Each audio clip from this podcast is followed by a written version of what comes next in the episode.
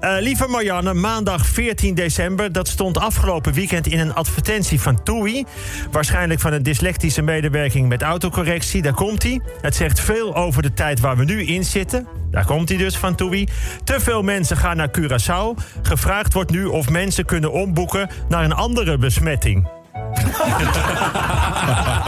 Ja, dit is toch geweldig? Nou, dan zit je echt in deze tijd, hè? Nou, patiënten die geopereerd worden door een chirurg die jarig is... hebben een grotere kans op een mislukte operatie. Dat komt onder andere omdat ze die dag iets gehaaster zijn... omdat ze die avond waarschijnlijk iets leuks gaan doen... of omdat de verpleegkundigen de hele tijd met een rolfluit voor hun ogen zitten... of omdat de co-assistenten een cadeau in de patiënt hebben verstopt. Nou, ik heb een heel goed idee. Wat voor goed idee, Peter? Vertel, vertel. Ja, nou, een heel goed idee voor vrijgezellen die iemand zoeken voor de komende weken. Nou, daar komt hij. Een feestdagen datingsite voor mensen die al corona hebben gehad... en dus tot het eind van het jaar immuun zijn. Nou, Tada! Die hoeven elkaar niet uit de weg te gaan. Geen eenzame kerst. Ja, dit is, dit is toch gewoon een heel erg goed plan. Laten we wel zijn, hè. Premier Rutte die houdt van, eh, vanavond een toespraak vanuit het torentje. Dat belooft weinig goeds. Hij komt zelf dus het torentje niet meer uit. Hij zit al in lockdown, dus je weet wat hij gaat vertellen. En het was vanmiddag belachelijk druk bij winkels met pannen en fluiten. Een groep van, van alles en nog wat ontkenners willen namelijk nog wat pannen, deksels en fluiten kopen. Nou, dinsdag 15 december, de persconferentie van premier Rutte in zijn eentje... is bekeken door 8,4 miljoen kijkers.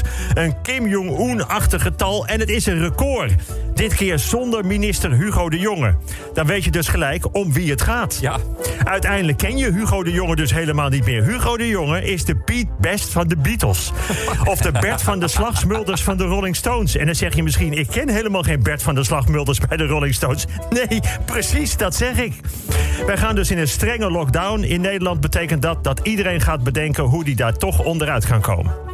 Het woord van het jaar in Nederland is geworden anderhalve meter samenleving. In België is het woord van het jaar het prachtige woord knuffelcontact. En in Urk is het woord van het jaar amereet. Woensdag 16 december. Het ziekteverzuim in de eerste drie kwartalen van dit jaar was het hoogste van de laatste 17 jaar. Volgens het Centraal Bureau van de Statistiek zou het te maken kunnen hebben met de coronapandemie. Nou, verrassend. Ja, er zijn ook veel minder toeschouwers bij het betaald voetbal dan vorig jaar. Het zou te maken kunnen Ja. hebben met de coronapandemie. Het is best wel donker. Het zou te maken kunnen hebben met dat het nog nacht is. Man, wat is het voor onderzoek? Nog zo één. Als de Vaalserberg in Limburg drie keer zo hoog zou zijn... dan hadden we vrijwel elk jaar een witte kerst. Ja, en als het in Friesland in de winter 15 graden kouder was... had je elk jaar een Elfstedentocht. Als mijn tante wieltjes had, dan was het een fiets. Frank zonder piemel is Hannelore. Jelmer met een bril is Jelte. En als mijn, als mijn kat kon blaffen, dan was het mijn hond.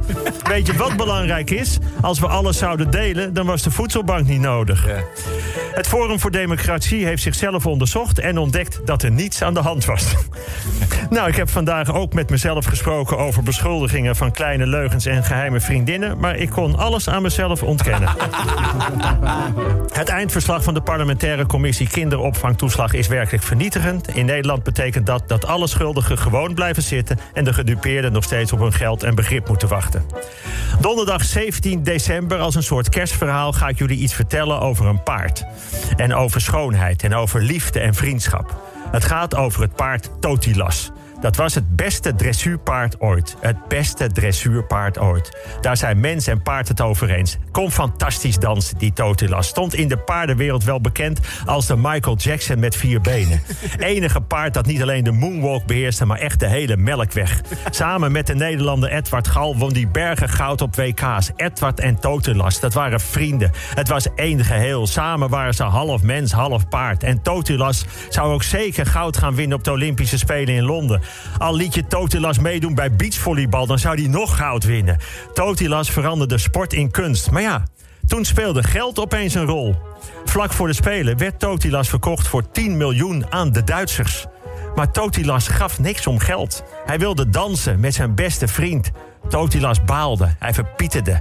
Hij ging doen alsof hij geblesseerd was. 10 miljoen, vriendschap druk niet uit in het bedrag. Hij miste zijn grote liefde, liefde Edward Gal. Totilas werd daarna alleen nog gebruikt voor zijn sperma. Leverde 8000 euro op per dekking. Ik zeg erbij, ik doe het voor de helft. maar niks meer vrolijk stralen en iedereen gelukkig maken. En deze week is hij eenzaam gestorven in een verzorgingstehuis. Het is een hele omweg, maar wat ik wil zeggen is... wat er ook gebeurt, blijf op een bepaalde manier altijd dansen. Je werkelijk goed voelen is geen kwestie van economie...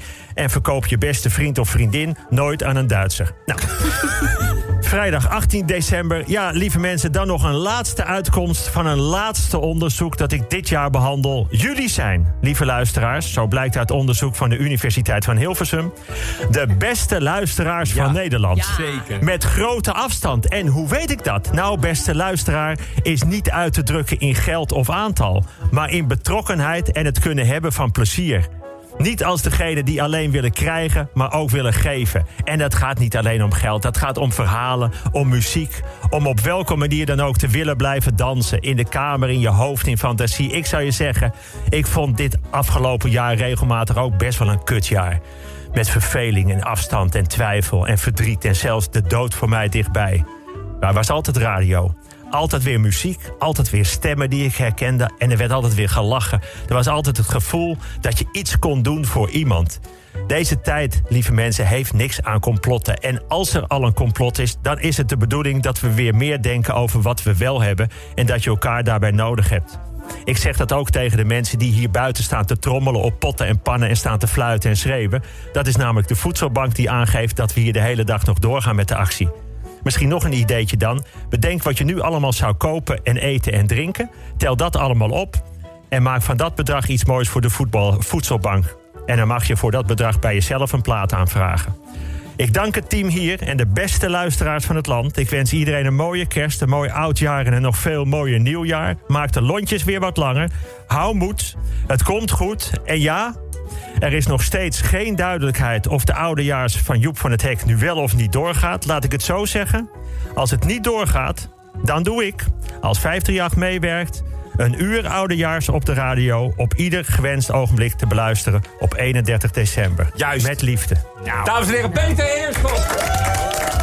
En Peter, mag ik jou ook bedanken voor het afgelopen jaar. Voor de, voor de traan, voor de lach, Ja, eh, voor de huil. Maar vooral ook eh, ja, het beginnen van ons weekend.